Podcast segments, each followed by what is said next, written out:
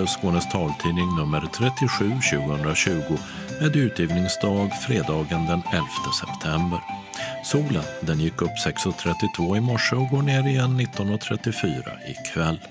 I var sin studio finns Dodo Parikas och Åsa Kjellman Erisi. Tekniker är Martin Holmström och detta är innehållet. Inga aktiviteter alls. Eller, det finns inte på kartan att ställa in. Så blir skånska synskadades fritidsverksamhet under hösten i coronans tid. Ledarhundsutbildare i Skåne förlorade upphandling och funderar nu på att sluta. Företagets anbud var för högt, menar beställaren. Snart måste myndigheters webbplatser enligt lag vara tillgängliga för dig som inte ser eller har en annan funktionsnedsättning. Vi tog en titt på 1177 Vårdguiden några veckor innan förändringen. Öppnat och stängt så med vårdcentral och hälsokost. Steget från plugg till arbetsliv är stort för de flesta ungdomar och inte är det mindre för den som har en synnedsättning. Projektet Skola till arbete har haft sitt första möte. Parasport Sverige slår ett slag för mer fysisk aktivitet för personer med funktionsnedsättning via nätet. Så en annons om ett forskningsprojekt. Evenemangstips därpå med öppen mikrofon och syntolkad tv. Kalendern med hovmarskalk och kocktävling. Anslagstavlan innehåller regionala och lokala meddelanden och ändringar i busstrafiken. Och sist kommer redaktionsrutan. Fortsätta ha coronastängt eller starta med föreningsaktiviteter igen.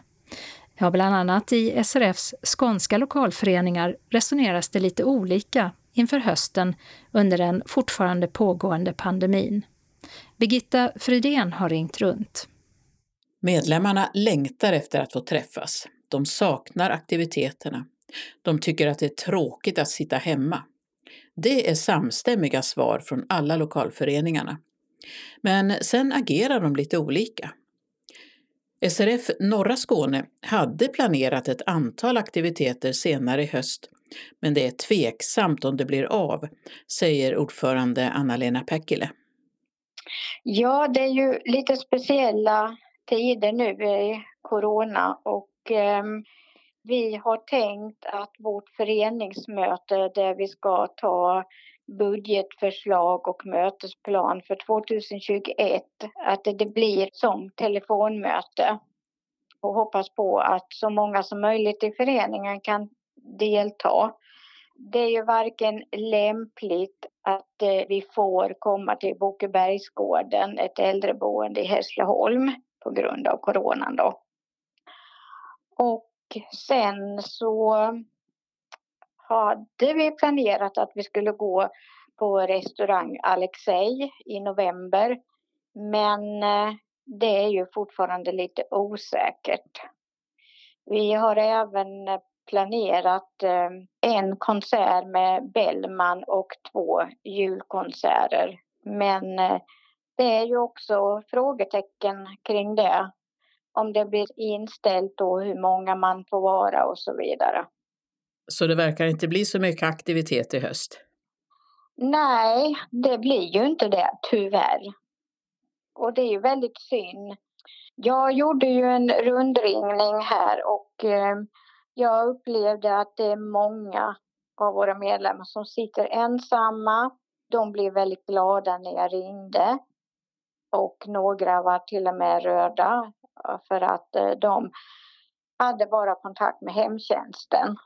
Det här planeringsmötet då som ni tänker ha via telefon kanske, känns det som att ni kan göra någon plan för 2021 då? Jag håller på med det, så man får ju göra en preliminär mötesplan så att säga och där sitter jag med och skriver just nu faktiskt. Men om det kan bli några utfärder eller någonting sånt där, det är ju det är jättesvårt.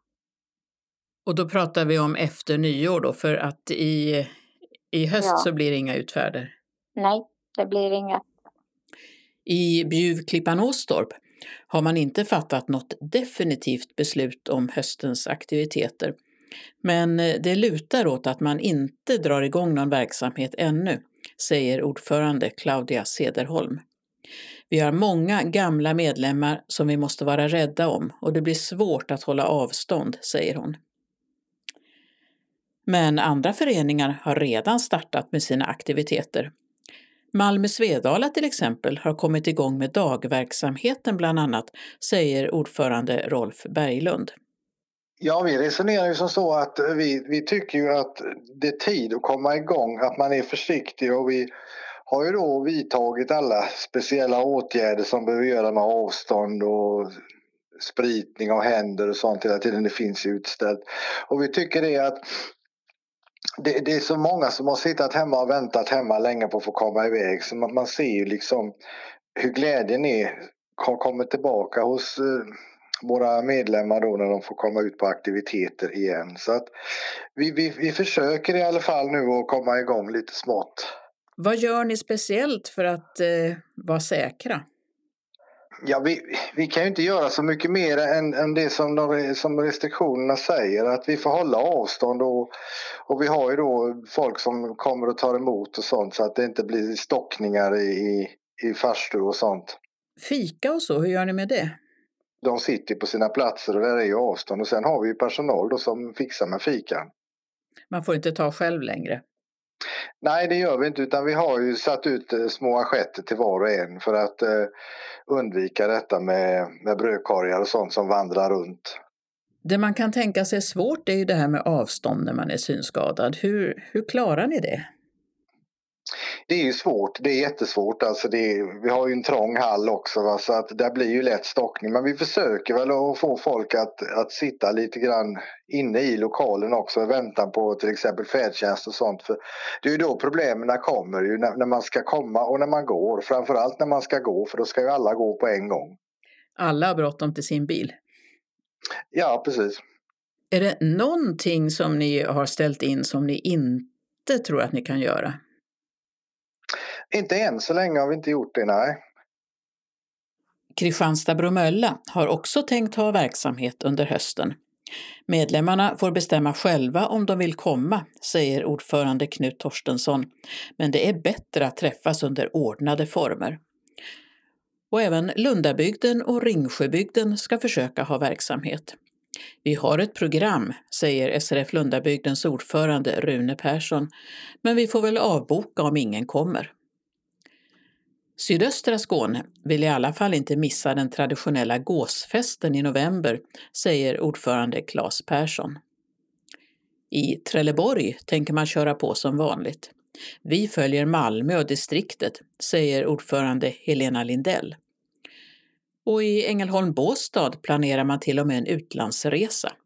Man ska åka till Helsingör, säger vice ordförande Stina Bodil Andersson, som inte haft en tanke på att ställa in. Det är väl ingenting att vänta på egentligen för att eh, siffrorna på covid-19 går ju neråt och vi ska komma igång någon gång. Så ni har inte tänkt ställa in? Nej. Jag för min del, jag tycker inte det finns på kartan att ställa in höstens aktiviteter. Är det någonting i eh, den planerade verksamheten som ni inte tror att ni kan genomföra eller kan ni köra precis som ni hade tänkt? Ja, med avståndstagande. Fungerar det då? Ja, det räknar vi med i eh, vår lokal inne i Ängelholm. Där är plats till 65 och är vi 25 så tycker jag vi har gott mått.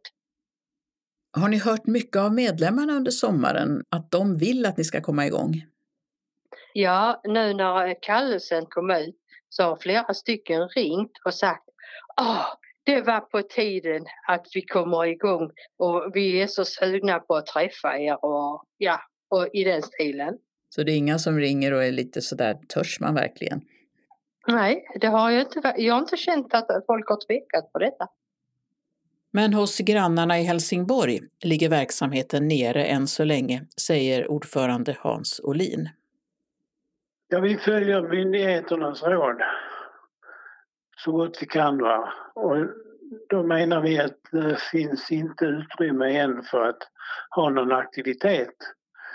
vi kommer att, eh, styrelsen kommer att ha ett möte den 29 september där vi ska se om vi omvärderar vårt beslut att inte ha någon aktivitet tills vidare. Vad bygger ni på att ni inte kan ha aktiviteter då? Jo, det är så här att vår medlemskader är företrädesvis inom riskgruppen och det kan man väl hantera i och för sig.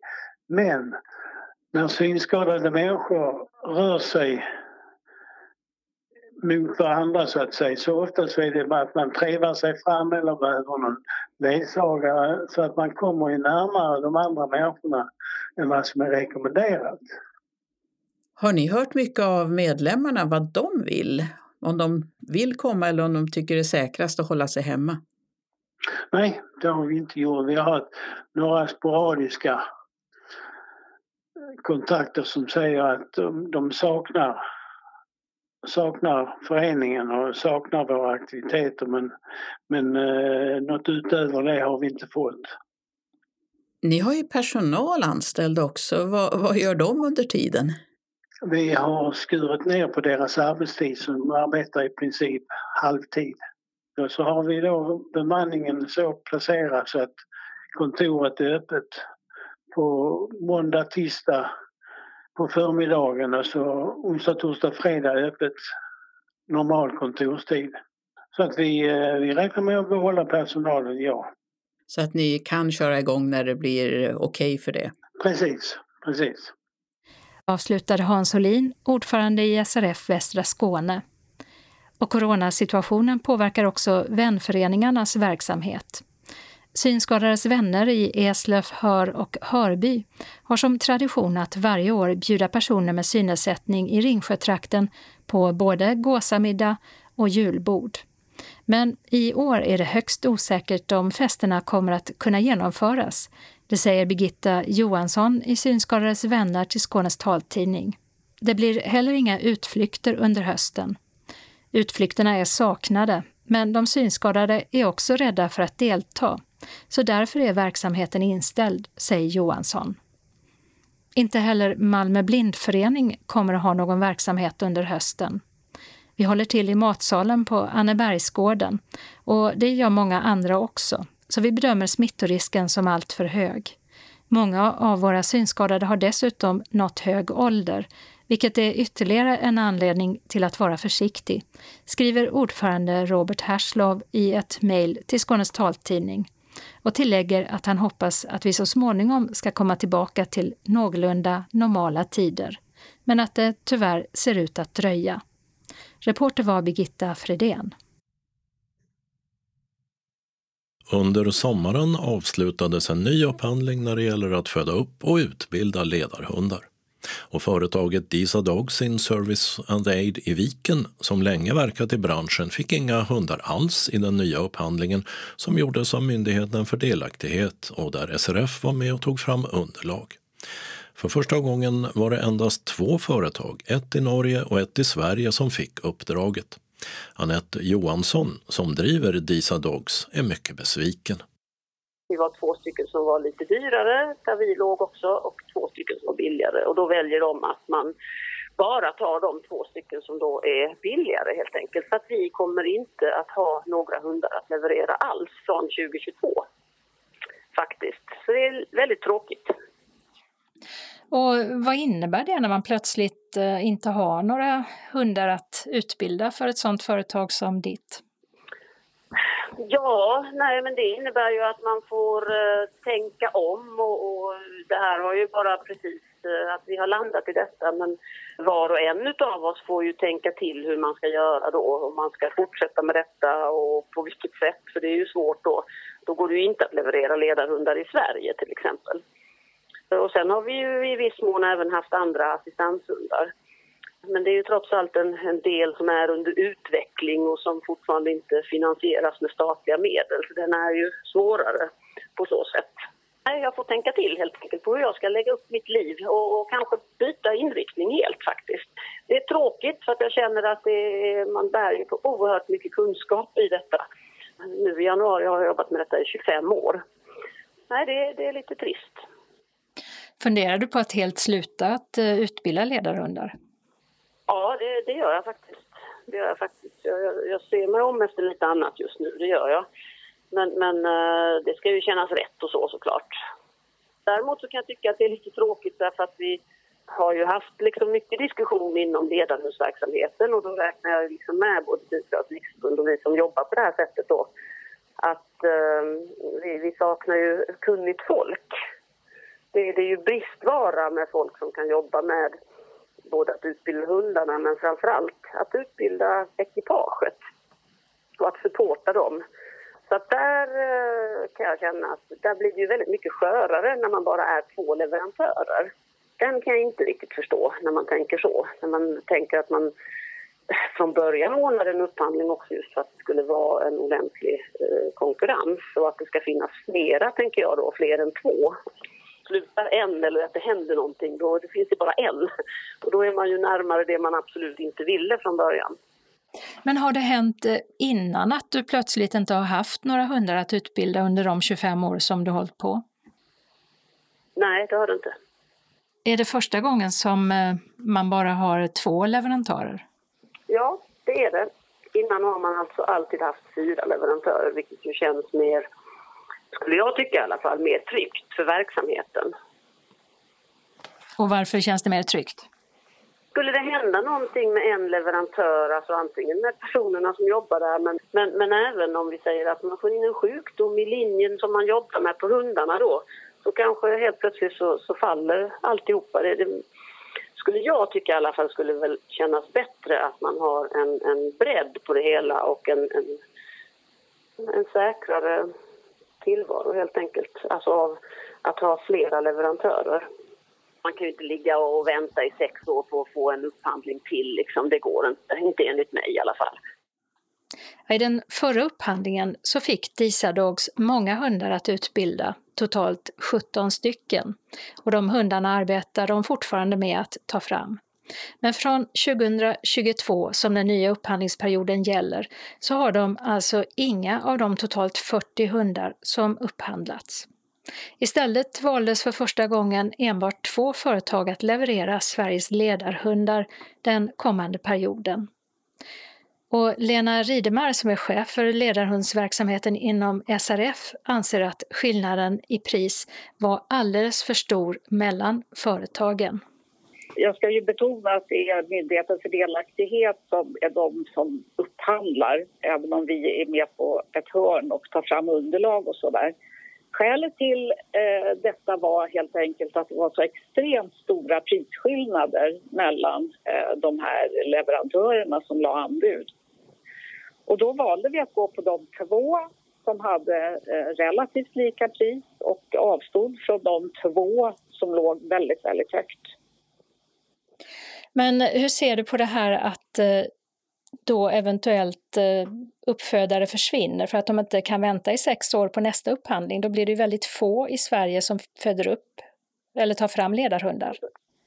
Ja, jag tycker ju mest att det är väldigt synd att de eh, valde att lägga så Eh, extremt höga eh, anbud den här gången. Men man ska ju komma ihåg att vi hade ju mer eller mindre samma situation eh, vid förra upphandlingen där den som var störst blev minst och den som var minst blev störst därför att man lägger liksom taktiska anbud.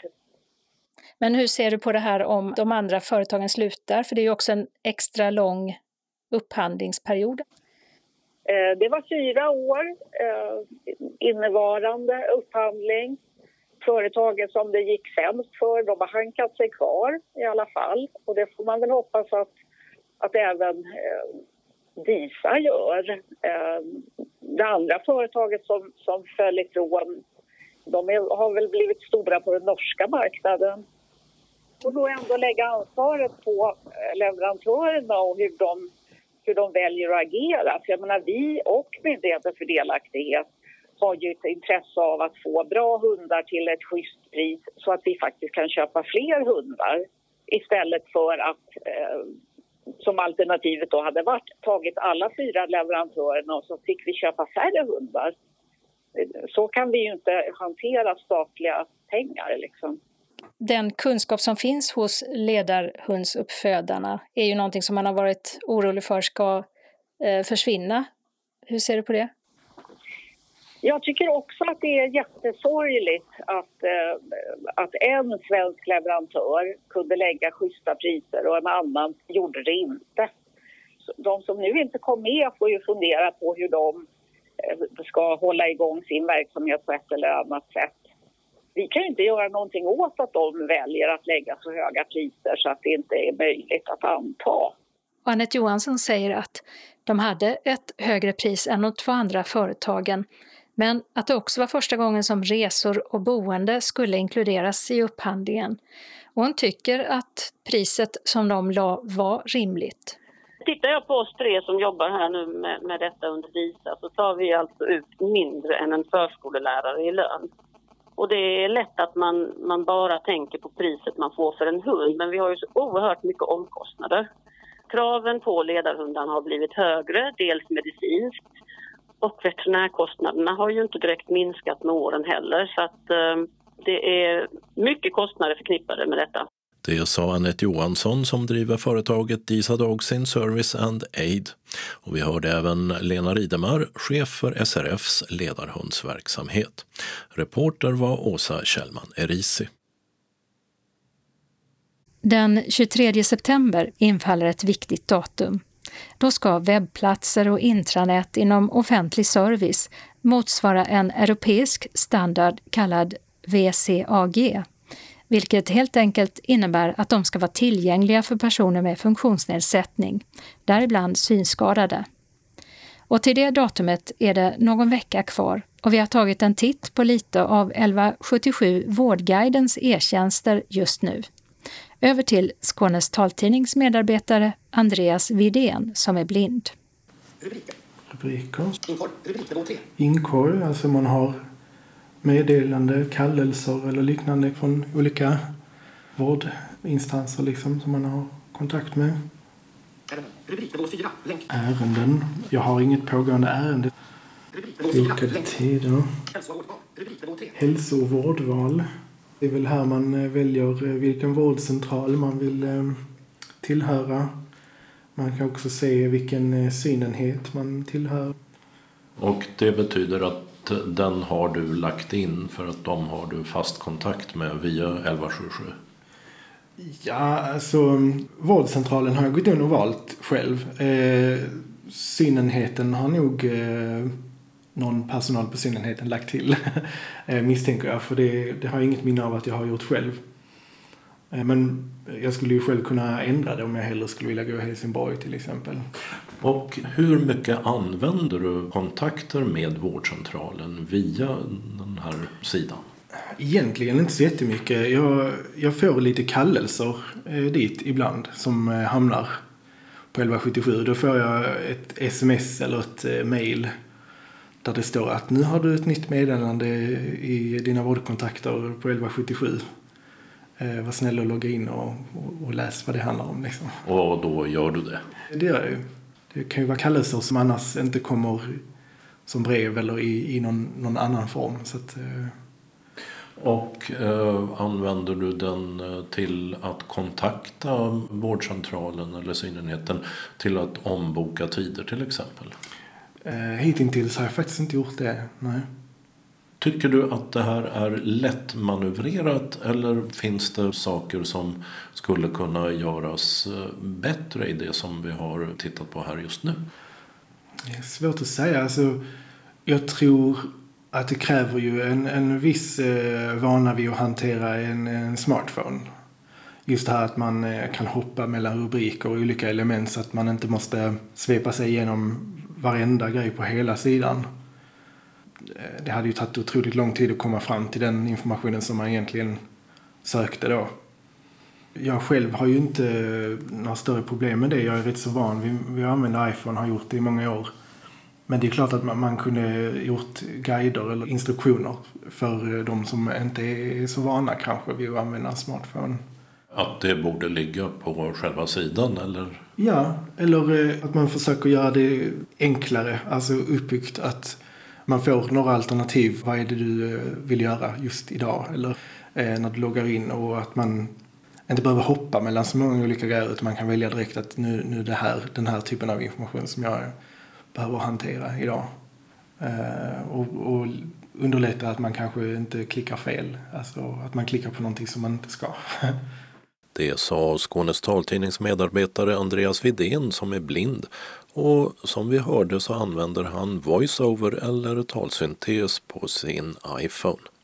Och Andreas manövrerade på 1177s startsidor i samma läge som man kommer till om man går in på sidan i en dator. Marcus Österberg är utvecklingsledare vid avdelningen Vårdens digitalisering på Västra Götalandsregionen och har i en blogg på deras hemsida skrivit om tillgängligheten på 1177. Användarupplevelsen på 1177s e-tjänster för synskadade och blinda heter den. Och så här säger Marcus Österberg när det gäller 1177 och vårdkontakter för den som ser dåligt eller inte alls. Det finns ju någon form av eh, hinder i varje delsteg. Vi som jobbar med användarupplevelse brukar kalla det för att man har en användarresa. Att man går ifrån en punkt och sen har man ett antal liksom, mellanstationer innan man är framme vid att ha liksom, gjort det som man var ute efter att göra. Så ett sånt där exempel är ju Alltså att man kan köra fast på eftersom man inte riktigt kan orientera sig visuellt så blir det att ja, men jag vill logga in och här hittar jag en länk som heter logga in. Men vad loggar jag in till? Så det är ju en sån här där man kan ha tvivel. Och där är det ju så att jag som seende får den informationen i en snabb överblick av sidan för där under logga in står det välkommen, här kan du göra detta och så vidare. På vilket sätt skulle just den här lilla biten kunna fungera bättre för den som inte ser? Jag är ju själv seende, men jag fick ju det här demonstrerat av en kollega som inte är seende. Och han ställde just den frågan, vad är det jag loggar in till? Så att det han skulle vilja redan innan man ens har börjat logga in är att logga in länken så skulle jag säga att här loggar du in till e-tjänsterna. Det skulle varit tydligare, skulle ha gett honom mer förtroende att han var på väg åt rätt håll. Vad har du mer kommit fram till när det gäller hinder för den som är synskadad? Ja, men det är ju sådana här saker som att efter att man har bestämt sig för att man ska logga in då kommer man till en mellansida för inloggning som egentligen bara på nytt säger att man ska logga in. Och det är av liksom, historiska skäl. För förut kunde man logga in med användarnamn och lösenord men det togs bort. Men den här mellansidan för inloggning den togs inte bort. Så den är ju liksom ett hinder egentligen för alla.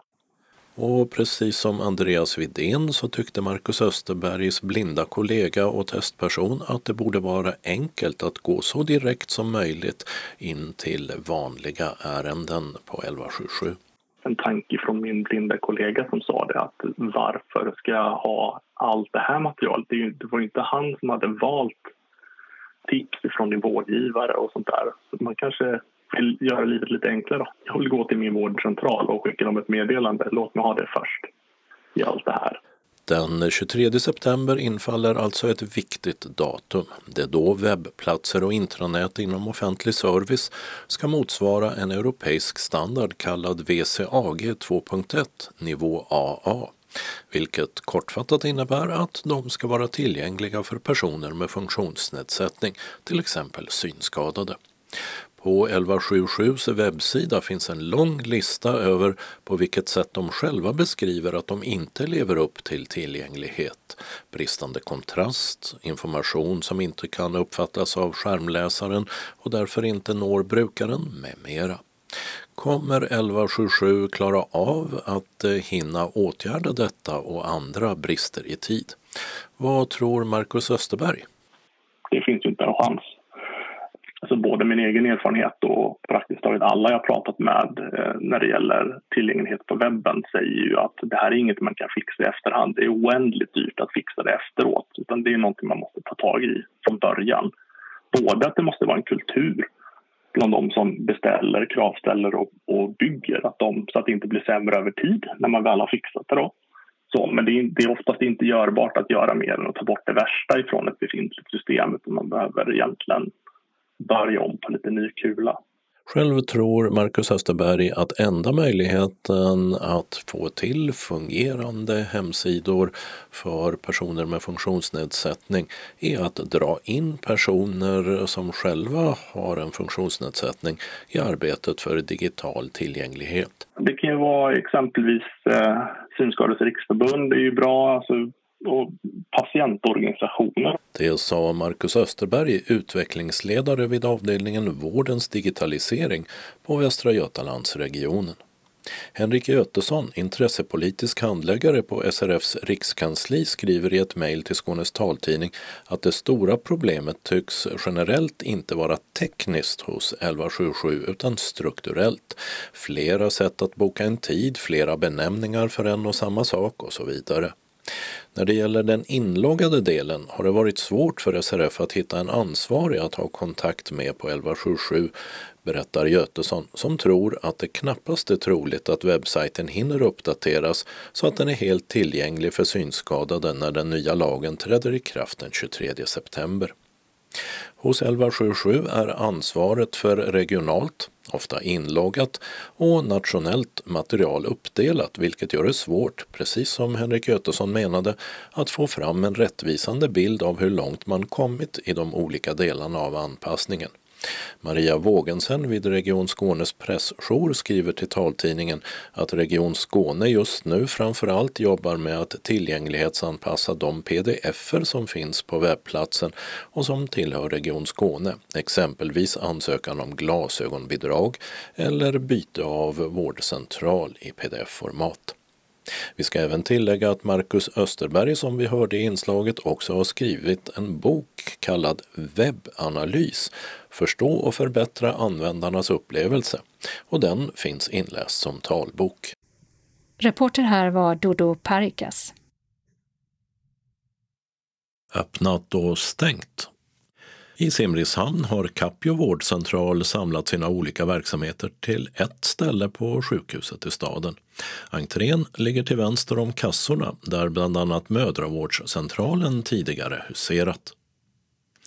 I Hässleholm har Röda Korsets andrahandsbutik Kupan öppnat igen efter att ha hållit stängt sedan i våras.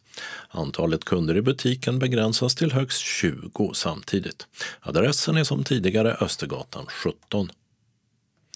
Malmö har fått en ny högstadieskola. Neptuniskolan heter den och adressen är Solhöjdsgatan 1A i Varvstaden i det tidigare Kockumsområdet. I Ystad har Life-kedjans hälsokostbutik vid Stortorget stängt efter 25 års verksamhet i staden. Kedjan Hälsokraft har tagit över lokalerna och redan öppnat där. Hälsokraft finns sedan tidigare på Stora Östergatan 14 i Ystad. I Sösdalatrakten har en garnbutik med plats för programverksamhet kring stickning öppnat i den lokal som tidigare inrymde Humlalyckans café och inredningsbutik. Adressen är Bjärröd 1196. Namnet Humlalyckan hänger med in i det nya konceptet. Steget från skola till arbetsliv är stort för de flesta ungdomar och inte blir det mindre om hen dessutom har en synnedsättning. Att underlätta det steget är målet för projektet Skola till arbete, som drivs av Synskadades riksförbund Unga med funktionsnedsättning Syd och utbildningsföretaget Iris Hardar. Arvsfonden bidrar med 3 miljoner kronor. Under coronavåren har projektledaren Anna Jakobsson ringt runt och samlat statistik och bjudit in ungdomar att vara med i fokusgrupper för att prata om övergången till arbetslivet. Och det är inte bara arbetslösa ungdomar som bjuds in att vara med. Vi vill ju även ha in erfarenheter i projektet från de ungdomar som har lyckats få arbete. Dels är det ju ungdomarna som inte har arbete som ska berätta om sina tankar och erfarenheter så att vi kan använda dem. Och sen även ungdomar som har lyckats få jobb vill vi också gärna prata med för att höra hur de har lyckats. För någon vecka sedan här så hade jag den första fokusgruppsträffen med några ungdomar här nere i Skåne som delade med sig och det var ungdomar som då inte hade jobb. De flesta av dem hade studerat en hel del däremot. Så det blev ju att vi fick ganska mycket information om hur det fungerar att studera som synskadad. Hur fungerar det då, tyckte de? De tyckte att det fungerar ganska bra. Det var ju någon som var lite orolig, för det var som hade gått direkt från gymnasiet som var orolig för att studier på högskola kan vara svårare för man har ju ingen egen assistent och så där. Men de ungdomarna som studerade på universitet sa att det är inte så svårt. Man får ju ta väldigt mycket mer ansvar själv. Det handlar ju mycket om att vara aktiv och veta vilket stöd man behöver. Eh, men man har ganska mycket möjligheter att få stöd om man kommunicerar det till universitetet. Det kan ju handla om sådana saker som att få anteckningshjälp på lektionerna av en kurskamrat. Och man har ju rätt till anpassad litteratur som man då beställer via MTM. Och eh, rätt att få examinationerna anpassade för längre tid vid tentor och sådana saker. Så det viktiga när man studerar vid universitetet så är ju att man kommunicerar vilka behov man har och pratar i god tid med studievägledare och samordnare för stöd så att de kan lösa det så på, på ett så bra sätt som möjligt. Du sa att en del då som har gått ut gymnasiet är lite oroliga för högskolestudier. Är man orolig för att ta klivet ut i arbetslivet också? Ja, det är ju ett stort steg och man vet inte kanske riktigt hur det fungerar och hur man ska göra när man söker jobb. När ska man berätta att man har en synnedsättning till exempel och sådana saker. Det gäller ju även att man själv har ganska bra koll på hur ens hjälpmedel fungerar att man kan hantera dem. För att det, till viss del kan man ju få utbildning när man börjar på ett nytt jobb men man behöver ju ändå veta lite grann hur det funkar, det grundläggande. Så. Men som sagt, jag tror att en stor del är det här att veta när man ska berätta för arbetsgivare att man har en synnedsättning i samband med att man söker jobb. När ska man göra det då? det är väl en smaksak. Jag skulle inte rekommendera att man skriver det i sin ansökan. Eh, utan personligen tänker jag nog att det är bra att göra det när man blir kallad till en intervju. Att man i alla fall nämner att man har en synnedsättning och eh, att man, eh, att man gärna berättar hur man kan lösa olika situationer när, när man träffar arbetsgivaren. Då. Man kan ju välja att inte berätta det alls och chocka arbetsgivaren när man kommer på intervjun. Det beror lite på också hur bra man ser, tänker jag Liksom, jag själv har en grav, väldigt grav synnedsättning så det skulle ju märkas direkt om jag kommer till intervjun med vit käpp att jag inte ser.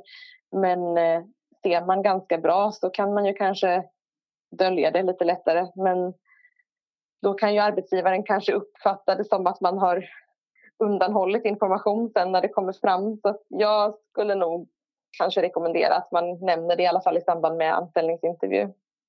Vad blir nu nästa steg i det här projektet? Vi kommer dels att ha en fokusgruppsträff i slutet av september där vi ska träffa ungdomar som har jobb och som ska få berätta om sina erfarenheter, hur de har gjort för att söka jobb och få det jobb de har nu och hur de har upplevt stödet från Arbetsförmedlingen och så vidare. Sen håller jag även på nu med en kartläggning av hur stödet ser ut. Jag har pratat med Iris Hadar och de har berättat om hur de arbetar med sin arbetsmarknadsutbildning för synskadade.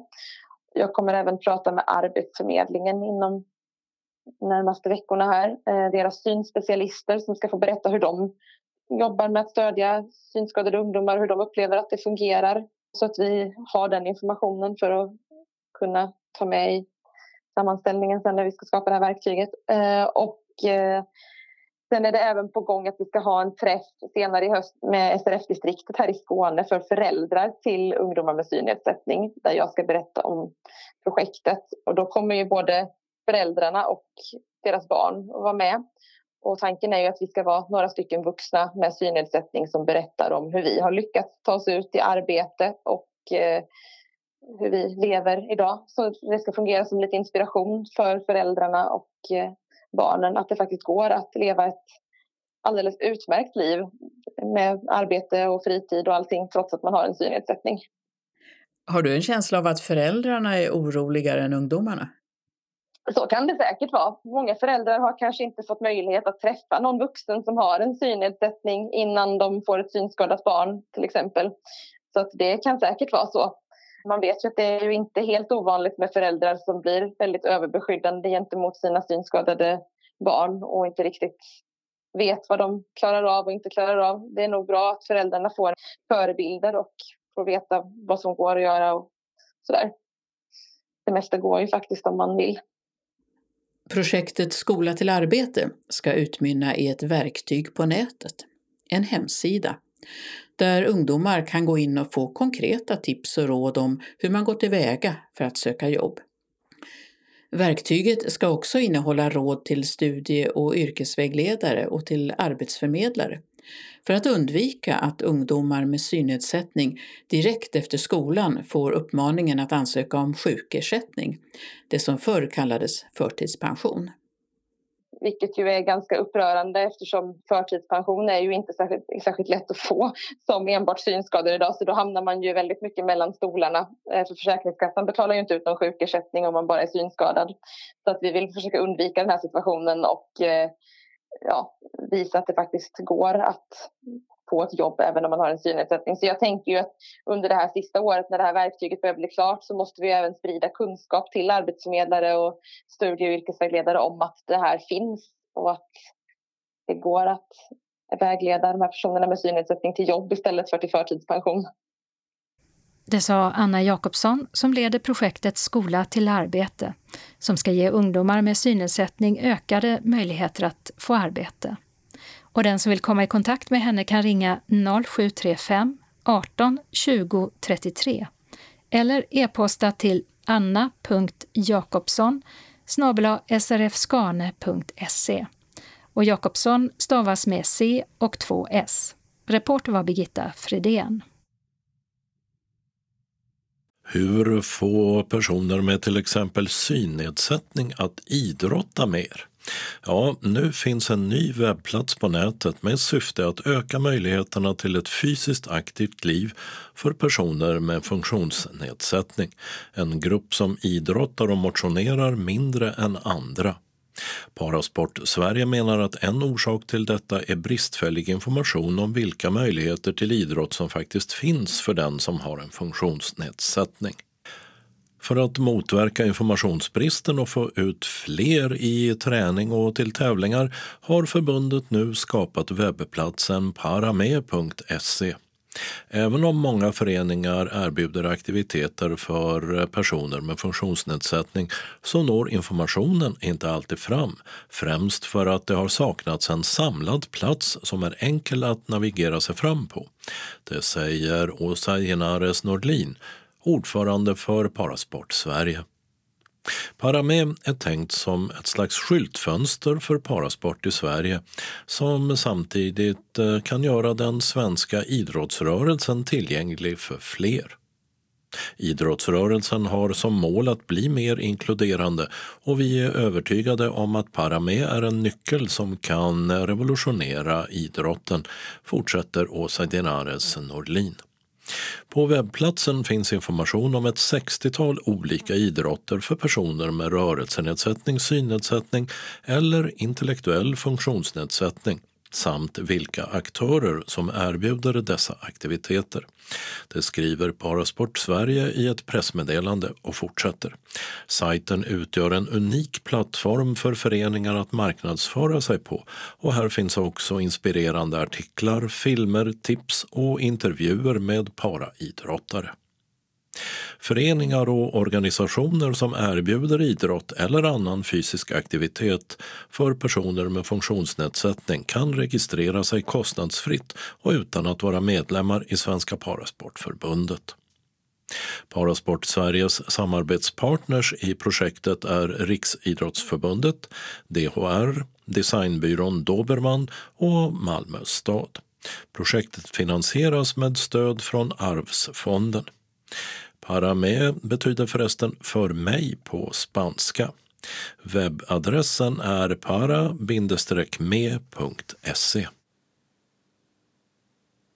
Så har vi en annons från Lunds tekniska högskola. Hej!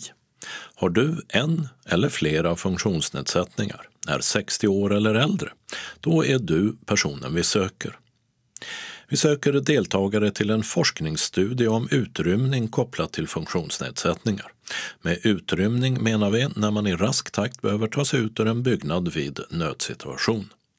I takt med att befolkningen både i Sverige och globalt blir äldre ökar också antalet äldre individer med funktionsnedsättningar. Framgångar inom forskning och tillämpning kring tillgänglighet möjliggör för fler att vistas i den publika byggda miljön. I takt med detta behöver också utrymning för dessa personer beaktas, vilket är syftet med denna studie. Att delta i studien innebär att du kommer att bli intervjuad av mig, undertecknad, eller någon av mina kollegor. Intervjuerna kommer att ske per telefon. Som tack för att du deltar kommer du att belönas med en biobiljett. Kontakta oss genom att mejla erik.smedberg brand.lth.se Smedberg stavas S-M-E-D-B-R-G eller ring telefon 046 222 1655 så berättar vi mer. Evenemangstips. Vi har några syntolkade program i TV4. Vad händer när man släpper in en förskoleklass på äldreboendet under sex veckor? Ja, det får man följa i en ny serie, Fyraåringarna på äldreboendet, som sänds klockan 21 med start torsdagen den 17 september och sen ytterligare tre torsdagar framåt. Snart börjar en ny syntolkad säsong av Bonde söker fru. Första avsnittet är onsdagen den 23 september klockan 20. Och sen visas ett nytt avsnitt varje onsdag fram till den 2 december. Den 27 september börjar andra säsongen av Bröllop, begravning och dop. Och den sänds klockan 21, fyra söndagar framöver och avslutas den 18 oktober.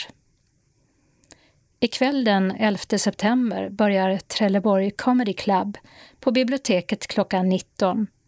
Värd är Damien Alin och både etablerade komiker och mer nya i gamet utlovas och dessutom open mic. Alltså öppen mikrofon då publiken är välkommen att delta. Sen återkommer Comedy Club en gång i månaden under hösten. Övriga datum är 9 oktober, 13 november och 11 december. Evenemanget är gratis, men är man under 16 år så måste man vara i sällskap av målsman. Det är ett begränsat antal platser, så föranmälan krävs och det gör man genom att antingen skicka mejl till arrangemang.trelleborg bibliotek.se eller ringa på telefon 0410 73 31 80. Imorgon, lördagen den 12 september, invigs Skillinge seriefestival där en mängd originalverk visas på tre olika platser. Skillinge teater, pensionat Sjöbacka med adress Gislövsdalsvägen 66 och Österlens museum i Simrishamn. Utöver utställningar där till exempel Joakim Pirinen och Nina Hemmingsson ställer ut originalverk blir det ett lite mer synskadevänligt inslag. Ett föredrag på Österlens museum klockan 12 om tecknaren Gustav Tenggren. Han var med och skapade de klassiska tecknade filmerna Snövit, Pinocchio och Bambi bland mycket annat. Det är Tenggren-kännaren Lars Emanuelsson som håller föredraget och det är fri entré och max 20 deltagare. Föranmälan i museibutiken eller museets hemsida osterlen.museum simrishamn.se. På biblioteket i Veberöd lyssnar man på radio tillsammans och löser Melodikrysset imorgon den 12 september mellan klockan 9.50 och 11. Och det här fortsätter man med varje lördagsförmiddag under hösten. Och det är gratis att delta. Har man frågor så är bibliotekets telefonnummer 046 359 67 84. I Åhus är det livemusik på restaurang Seaside med adress Stubbagatan 2. Det är Emil Sigfridsson och Jonas Svensson som underhåller till maten dels nu på lördag 12 september men också den 26 september mellan 18 till 22. Det är ett begränsat antal platser på restaurangen, så boka bord på telefon 044 289300. Det är teknikdrop-in på Lönsboda bibliotek måndagen den 14 september klockan 10 till 12. Där kan man få hjälp med att ladda ner till exempel ljudböcker och appar till sin smartphone eller läsplatta Det kan också handla om hur man använder internet och sociala medier med mera. Lunds domkyrka har guidad visning den 16 september mellan klockan 11 och 12. Det är ett begränsat antal platser där också och gratis att delta. Visningen startar i Domkyrkoforum intill domkyrkan. Internationella kulturdagen firas i Helsingborg den 19 september från klockan 11 på Dunkers kulturhus. Här bjuds ett smakprov av olika kulturer och traditioner med aktiviteter både för barn och vuxna. Det blir musik, dans och språk från delar av världen. Det är fri entré och man följer Folkhälsomyndighetens rekommendationer när det gäller antal deltagare. I Lund har restaurang Viva på Karlhögstorg 10 ett digert jazzprogram under hösten. Det går också att äta mat i anslutning till konserterna. De närmaste arrangemangen är den 19 september då Fredrik Davidsson spelar trumpet, Sebastian Nordström bas och Hannes Olbers piano och sång. Biljetterna kostar 125 kronor. Helgen därpå, den 25 och 26 september, kommer Kalle Moreus och Pelle Holmberg Group. Här är entréavgiften inte bestämd ännu, beroende på hur många man får ta in i restaurangen. Fredagen den 1 oktober blir det en kväll med Chet Baker. Anna-Lena Brundin sjunger och Jan Sigurd spelar piano och sjunger.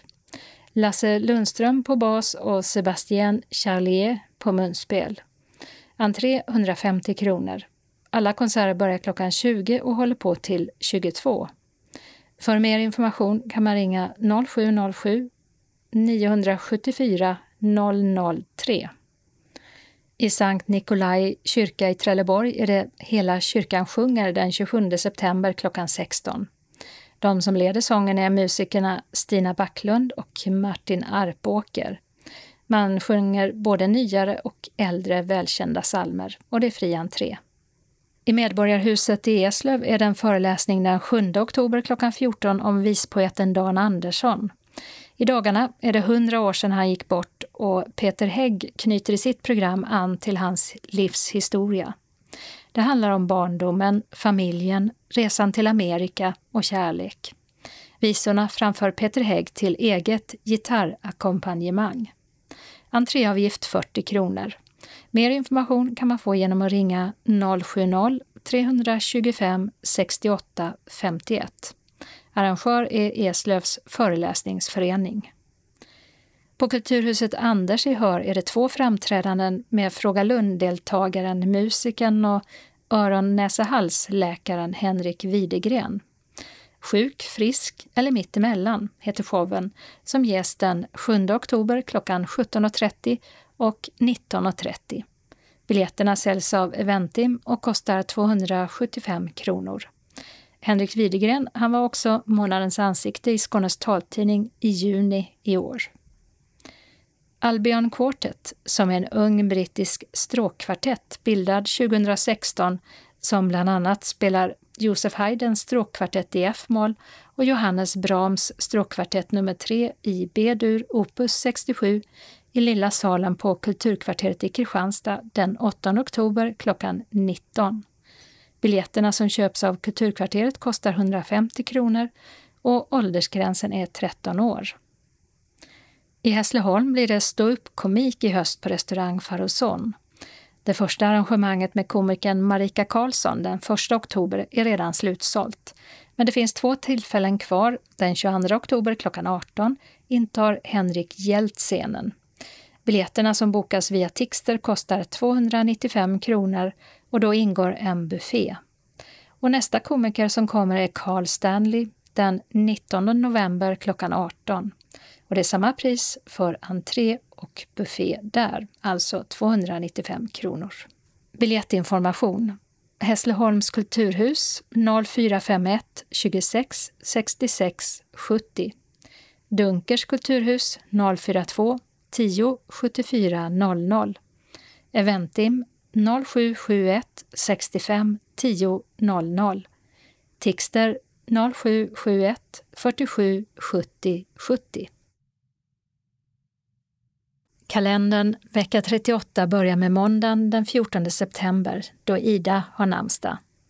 Det är 60 år sedan OPEC bildades i Bagdad i Irak. OPEC är ett samarbete mellan 14 oljeproducerande länder som vill samordna medlemsländernas oljepolitik. En strategi är att hålla nere produktionen av olja så att priset hålls uppe. 1985 invigdes en av världens längsta broar, Penangbron i Malaysia, som förbinder ön Penang med fastlandet. Totalt är bron 13,5 kilometer lång. Tisdagen den 15 september firar Sigrid och Siri namnsdag. I riksdagen är det interpellationsdebatter som direktsänds från klockan 13 i riksdagens webb-tv. Det handlar om laddning av elbilar, stöd till en demokratisk utveckling i Belarus och en fråga om a-kassan och januariöverenskommelsen från moderaten Mats Gren till arbetsmarknadsminister Eva Nordmark, Socialdemokraterna. För 30 år sedan hade TV4 sin premiärsändning. Till att börja med gick sändningarna via satellit och kabelnät. Och kritiken var inte nådig mot den reklamfinansierade kanalen. Och Expressen skrev “Lägg ner TV4 om det inte blir bättre än premiären” och det första som hördes i sändningen var “Borde inte jag ha någon slags mikrofon?” För 190 år sedan invigdes världens första reguljära tåglinje som gick mellan Manchester och Liverpool i England. I Sverige dröjde det till 1856 innan den första järnvägen invigdes och den gick mellan Malmö och Lund. Att det dröjde berodde enligt vad man kan läsa på Tekniska museet i Stockholms hemsida på att det fanns en misstänksamhet mot ny teknik som ansågs vara farlig. Och så kunde järnvägen göra människor svaga och lata. Flera länder i Centralamerika firar nationaldag. Costa Rica, El Salvador, Guatemala, Honduras och Nicaragua. Och att det är just den 15 september som är nationaldag för de här länderna, det beror på att de erhöll självständighet från Spanien då. För 130 år sedan föddes den brittiska detektivromanens suverän Agatha Christie. Och Elisabeth Tarras Wahlberg, hovmarskalk och hovets informationschef under många år, fyller 70 år. Onsdagen den 16 september heter namnsdagsbarnen Dag och Daga. Och det är den internationella dagen för bevarandet av ozonskiktet.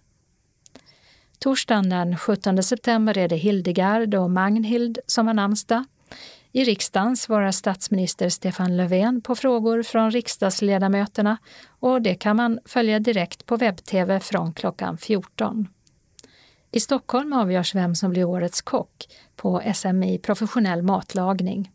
Det är åtta finalister som tävlar i olika moment under dagen. Till skillnad mot tidigare år så är det en tävling utan publik.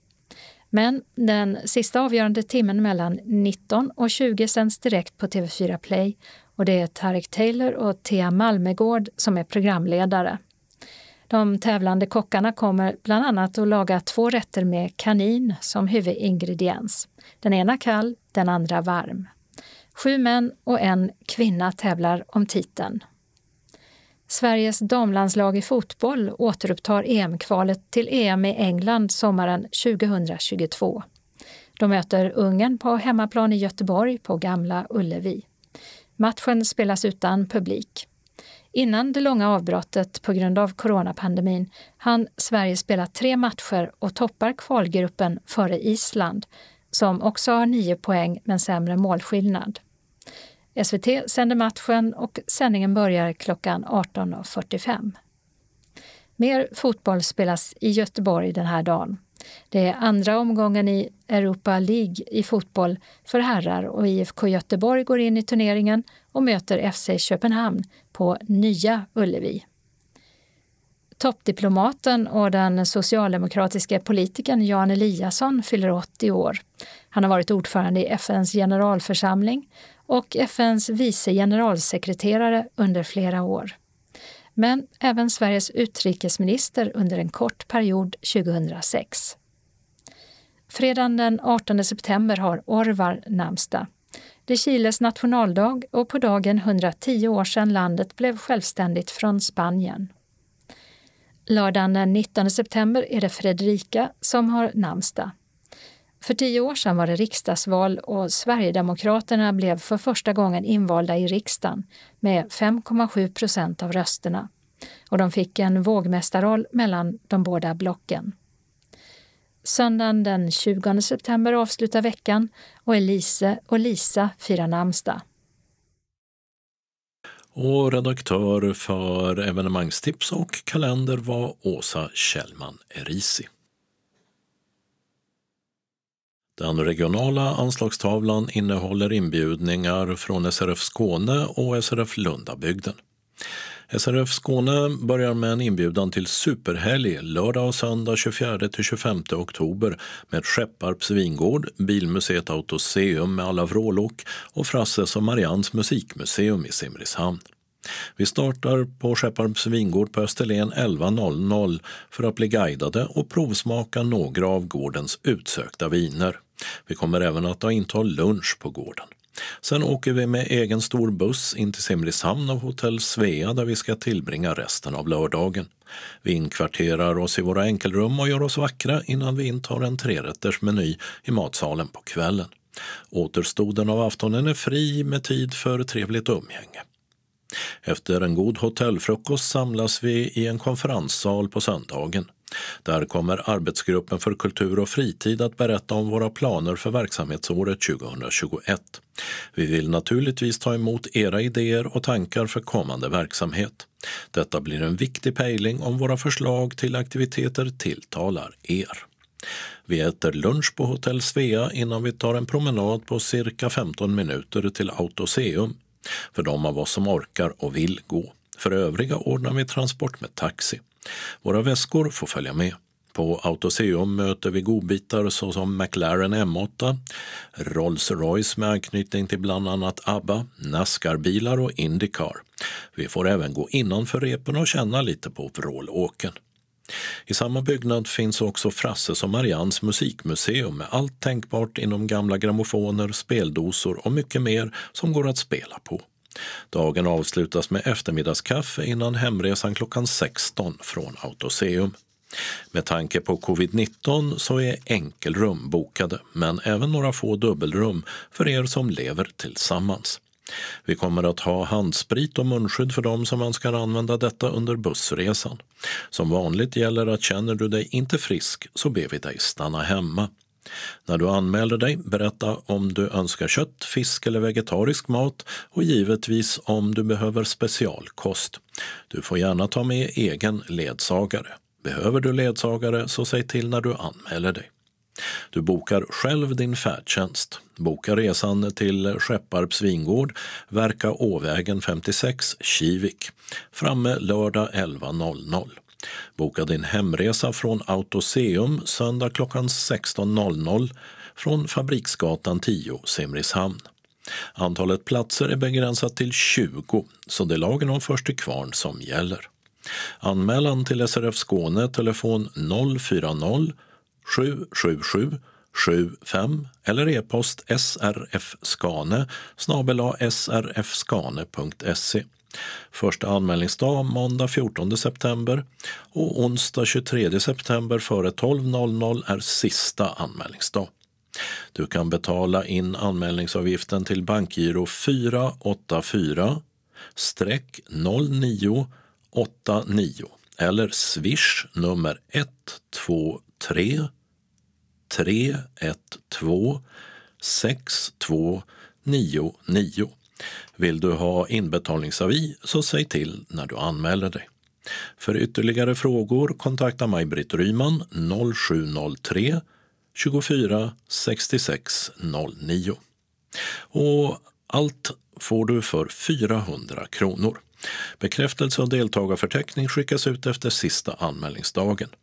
SRF Skåne står för era reskostnader efter att kvitton inkommit, dock senast tre månader efter genomförd aktivitet. Varmt välkomna undertecknat Arbetsgruppen för kultur och fritid. SRF Skåne inbjuder till Vallåkra stenkärlsfabrik som skräddarsytt ett program för SRF-medlemmar. Tid onsdag 30 september 11.30 till 16. Kostnad 200 kronor per person. Plats Ryavägen 38 i Vallåkra. Till Vallåkra ska vi bege oss för att uppleva det nordvästskånska hantverksarvet, prova på att dreja i den 150-åriga verkstaden och äta god mat i kulturhistorisk miljö i magasinsbyggnaden, som nu är en krog. Som besökare har man möjlighet att följa hela produktionskedjan från lerfyndighet till färdig produkt. Keramikern Åsa Ormell ska vara föreläsare och göra sitt bästa för att alla ska få en bra upplevelse.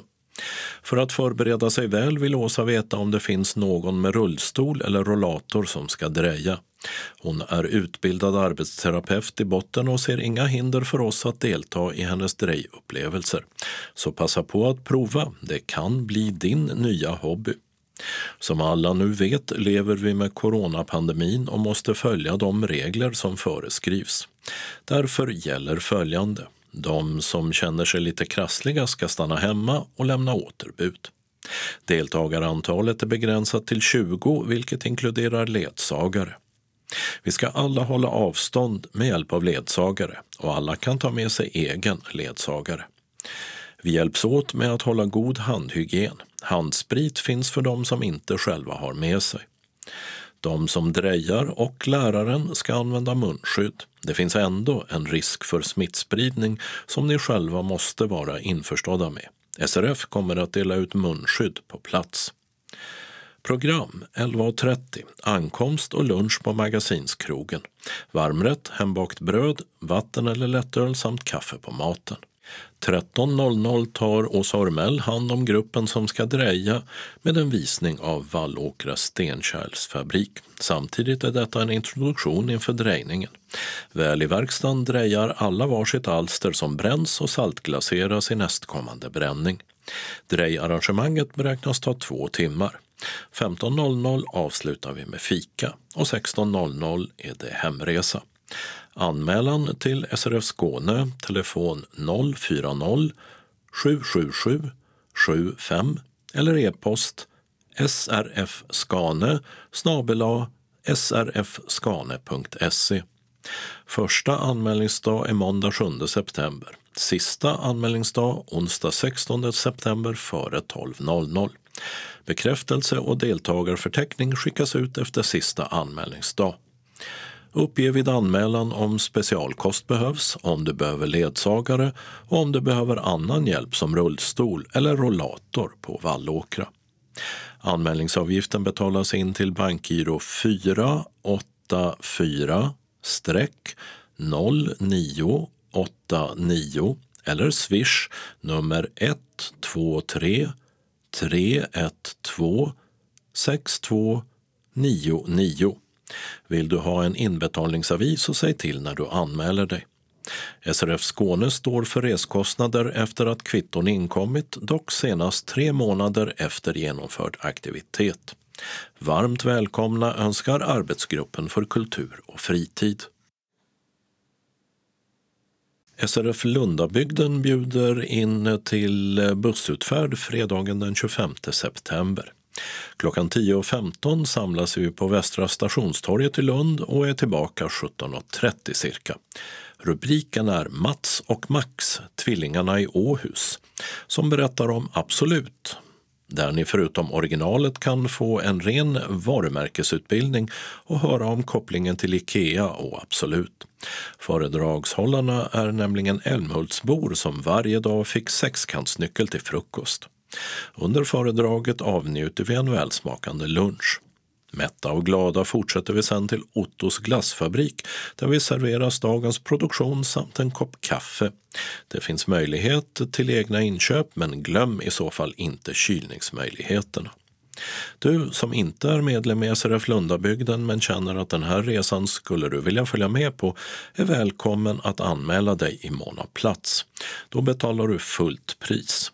Medlemmar i SRF Lundabygden betalar 300 kronor. Önskar man något extra starkt till mat och kaffe så betalas detta ur egen ficka. Din anmälan behöver vi senast måndag 18 september till telefon 046 211 0674.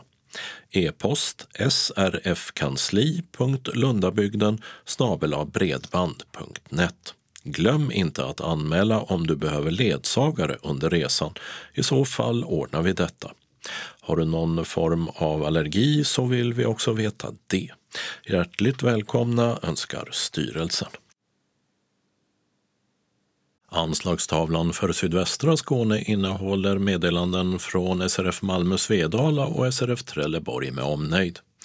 SRF Malmö Svedala hälsar välkommen till sin dagverksamhet. Vi serverar kaffe och kaka för 10 kronor och kan även ordna diabeteskaka om man säger till vid anmälan. Tyvärr kan vi inte erbjuda smörgåsar för tillfället men det går bra att ta med egen om man vill det. Vi vill att alla anmäler sig till kansliet telefon 040 25 05 40 om man tänker komma på någon dagaktivitet. Känner man sig sjuk så stannar man hemma. Tisdag 15 september blir det bingo och onsdag 16 september spelar vi kanasta. SRF Malmö Svedala inbjuder också till pubkväll för den som gillar att ta en öl eller ett glas vin i goda vänners lag. Vi äter en charktallrik och lite annat smått och gott. Fredag 25 september startar det klockan 18 i föreningens lokal Wendelsfridsgatan 13. Pris för maten är 75 kronor om du är medlem i SRF Malmö Svedala. Övriga betalar 100 kronor och drycken finns till självkostnadspris. Meddelar vi anmälan om du vill ha alkoholfri öl eller vin så ordnar vi det också till självkostnadspris. Du betalar in deltagaravgiften till föreningens bankgiro 192-9645 eller swish 123 077 8050. Betalning för drycken kan du antingen ge kontant på kvällen eller swisha. Och om du swishar så glöm inte att meddela kansliet hur mycket du swishat och vad det avser. Anmäl dig till kansliet eller e-post info srfmalmo senast måndag 21 september. På grund av coronasituationen är maxantal deltagare 35 personer. Som vanligt är det först till kvarn som gäller. Och medlemmar i SRF Malmö Svedala har företräde. SRF Malmö Svedala hälsar också välkommen till föreningen på Tjejträff torsdag 1 oktober. Tina från Seniorshoppen är tillbaka för att visa och berätta om höstens mode. Du kan handla kontant, med kort eller med inbetalningskort och du kan prova kläder i lugn och ro under kvällen. Vi kommer att ha visning av kläder i två omgångar med begränsat antal. Första gruppen kommer klockan 16 och den andra gruppen klockan 18 då vi alla äter tillsammans innan andra gruppen tittar på kläder. Vi serverar en landgång som kostar 80 kronor. Drycker är till självkostnadspris. Har man allergier eller särskild kost meddelar man det när man anmäler sig. Då får man även reda på vilken tid man ska komma för visning. Du betalar kontant eller med swish nummer 123 077 8050. Vill du ha en trevlig kväll så anmäl dig till kansliet senast fredag 18 september klockan 12. Känner man sig sjuk ber vi er att stanna hemma. Hjärtligt välkommen önskar styrelsen. Och så bjuder SRF Malmö också till filmkväll på föreningen onsdag 23 september klockan 18 då vi visar filmen 101-åringen som smet från notan och försvann. Du tar själv med dig det du eventuellt vill äta och dricka. Anmäl dig till kansliet. Eh, sista anmälningsdag är torsdag 17 september. Och även här gäller att det är begränsat antal på grund av corona och är man sjuk ber vi er att stanna. Välkommen hälsar styrelsen genom Maj-Britt Ryman. SRF Trelleborg med omnejd inbjuder till medlemsmöte med samkväm torsdag 17 september mellan 17 och omkring 19. För att kunna coronasäkra vår träff så mycket som möjligt träffas vi i PROs lokal Korfitzbäck Frisgatan 11 i Trelleborg som de flesta av oss känner till och där möjligheten att hålla avstånd underlättas i en känd miljö. Föreningen bjuder på smörgåstårta och kaffe med kaka. Anmäl dig senast fredag 11 september till Helena, telefon 0706 42 21 76 eller e-posta 1 Helena Lindell gmail.com. Det skrivs med en etta framför Helena Lindell och alltihopa ihop som ett ord. Har du någon form av matallergi så nämn detta vid anmälan. Väl mött hälsar styrelsen som hälsar såväl gamla som nya medlemmar välkomna. Vi har ändringar i busstrafiken som gäller Malmö. Hållplats Skeppsbyggaregatan, läge A mot Västra hamnen i Malmö för stadsbuss 2 är stängd på grund av vägarbete till och med 14 september 15.00. Hänvisning till hållplats Kockum Fritid, läge B, 420 meter mot nordväst. I Malmö vägarbetas det på Krusegatan i riktning ut från Malmö. Därför är hållplats Krusegatan, alltså i riktning mot Lund, stängd med hänvisning till Sjölundaviadukten läge A medan resenärer från Krusegränd, också mot Lund, hänvisas till hållplats Ågatan läge A. 15 september 15.00 ska arbetet vara klart. Ändringarna gäller regionbuss 130 och 172. Också i Malmö så är hållplats Kungsliljan för stadsbuss 6 i riktning mot centrala Malmö och vidare mot Bunkeflostrand, Klagshamn flyttad till en tillfällig hållplats på västra sidan av rondellen Sallerupsvägen Singelgatan. Vägarbetena som föranleder detta ska vara klara 21 september 09.00.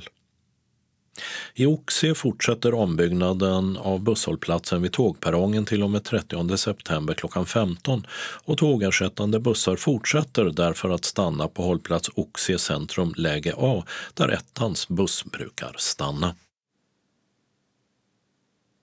Anslagstavlan för mellersta och sydöstra Skåne innehåller meddelanden från SRF Lundabygden. SRF Lundabygden har först en inbjudan eller kallelse till föreningsmöte med val torsdag 24 september klockan 18 till 20 på kansliet Tordönsvägen 4 i Lund. Det är dags att avsluta 2019 och det gör vi vid föreningsmötet med de val som inte blev klara vid ordinarie årsmöte 28 mars. Till förhandlingsledare har vi bjudit in Per-Arne Andersson från SRF Skåne. Mötet arrangeras som telefonmöte och man kan även delta från kansliet. Vid din anmälan vill vi veta om du deltar via telefonkontakt eller kommer till kansliet. Sista anmälningsdag 18 september. Komplett material och koder för telefonsammanträde skickas ut efter anmälan den 18 september. Hjärtligt välkomna önskar styrelsen. SRF Lundabygden inbjuder också till kursen Vardagstips du kan göra nästan allt även om du inte ser. Arbetet utförs inte med ögonen utan med händerna. Men ingen ska komma och säga att det är enkelt. Du måste vara envis, noggrann och idérik. Stå ut med att det tar lång tid och orka komma igen nästa dag när du misslyckas. Du måste våga pröva för att lyckas. Många praktiska tips, knep och beprövade metoder finns för att underlätta i vardagen i smått och i livet i stort. Även om du varit med i tidigare cirkel så går det bra att anmäla sig. Cirkelledare är Simon Tenso. Det är sju träffar och sammanlagt 14 studietimmar. Start onsdag 23 september 13.30 till 15.30. Det är ingen deltagaravgift och platsen är föreningslokalen. Anmälan senast fredag 18 september. Varmt välkommen med din anmälan. SRF Lundabygden bjuder in till Kulturafton onsdag 16 september då författaren Cecilia Salström kommer och berättar om boken Vit syren och andra böcker hon skrivit med Lunda-anknytning. Det blir klockan 18 till 21 i föreningslokalen Tordönsvägen 4 i Klostergården, Lund. Vi serverar som vanligt något läckert att äta och en kaka till det avslutande kaffet. Deltagaravgift 50 kronor som vanligt. Din anmälan behöver vi senast 11 september till telefon 046 211 06 74 eller e-post srfkansli.lundabygden bredband.net. Hjärtligt välkomna till denna kulturafton. SRF Lundabygden bjuder också in till höstens första föreningsmöte torsdag 24 september i föreningslokalen. Det är mellan 18 och 20 på kvällen. Mötet är viktigt inför föreningens arbete under hösten. På grund av rådande coronapandemi så arrangeras det som ett telefonmöte också. Man kan alltså delta på plats om man vill eftersom kansliet kommer att vara bemannat. Och till de som anmäler sig till telefonmötet kommer deltagarkoder att meddelas. Vi har bjudit in SRF Skånes valberedare Fredrik Andersson för att berätta om arbetet med nya kandidater till SRF Skånes styrelse. Det bjuds på lättare förtäring för de som finns på kansliet. Sista anmälningsdag 21 september. Och SRF Lundabygden bjuder även in till SRF-träff måndag 28 september. Dags igen för promenadskorna med en liten guidad rundvandring i Lunds botaniska trädgård med anor från 1600-talet och som anlades i sin nuvarande form under 1800-talet. Tid 13.30 till 16, samlingsadress Tunavägen 2. Guiden möter upp där och vi promenerar i stilla takt och upptäcker parken under kunnig ledning. Rådande pandemi gör att antalet deltagare begränsat till 15 personer, så boka in ert deltagande så fort som möjligt. Kaffe och kaka kommer också att serveras via Café Botan. Avgift 100 kronor. Anmälan senast 18 september till kansliet. Anslagstavlan för norra Skåne innehåller meddelanden från SRF Kristianstad Bromölla och SRF Ängelholm Båstad. SRF Kristianstad Bromölla inbjuder sina medlemmar till en keramikkurs hos Granbacka Keramik och Carolina Holmgren, Värahultsvägen 77-13 i Färlöv. Det blir två grupper med högst fem deltagare och med fem tillfällen per grupp. Måndagsgruppen startar 28 september eh, klockan 14 till 17 och onsdagsgruppen 30 september 17 till 20 inklusive fikastund. Kaffe, te och mjölk finns, var och en eh, tar eget bröd med sig. Vi arbetar i stengodslera och provar på olika tekniker som ringling, kavling, skulptering och drejning under handledning. Material ingår i priset som är 500 kronor vilket betalas in på bankgiro 899-9245 vid anmälan senast måndag 14 september till TINA, telefon 0706 35 41 14. Det är möjligt att hålla avstånd efter restriktionerna som gäller eftersom det finns skilda arbetsplatser i lokalen. Besök gärna Carolinas hemsida carolinakeramik.se. Carolina Keramik stavas det. SRF Ängelholm Båstad inbjuder till en resa till Helsingör. Onsdag den 23 september samlas vi på mötesplatsen på Ängelholms central till vänster utanför entrén senast 09.20. Den som har färdtjänst åker gratis på tåget och övriga får åka med som ledsagare. Vi tar tåget till Helsingborg som avgår 9.46. Väl framme på knutpunkten i Helsingborg tar vi rulltrappa eller hiss upp till färjeterminalen där vi tar färjan till Helsingör. I Helsingör är det fritt fram att ströva omkring i denna härliga gamla stad, kanske shoppa lite eller sätta sig på en uteservering och avnjuta en fika eller god dansk öl. Det finns gott om affärer i centrum. 13.00 samlas vi på Ribhouse som ligger centralt på Stengade 39. Där blir vi serverade en härlig lunch. Man kan välja mellan wienerschnitzel eller fiskefilé med remouladsås. Meddela vid anmälan om du vill ha vegetariskt. Till maten ingår läsk, mineralvatten eller lättöl. Vill man ha något starkare kan man beställa det på egen bekostnad. Efter att ha avnjutit den goda lunchen blir det en stund över till lite mer rundvandring i Helsingör och kanske den sista shoppingen. Vi samlas sedan vid ingången till färjeterminalen i Helsingör senast 15.40 för att åka tillbaka till Helsingborg. Tåget till Ängelholm går 16.54 och vi är tillbaka i Ängelholm 17.22. Pris för resan är 125 kronor och du sätter in det innan resan på föreningens bankgiro 5972 8915 eller via swish 123 130 7214.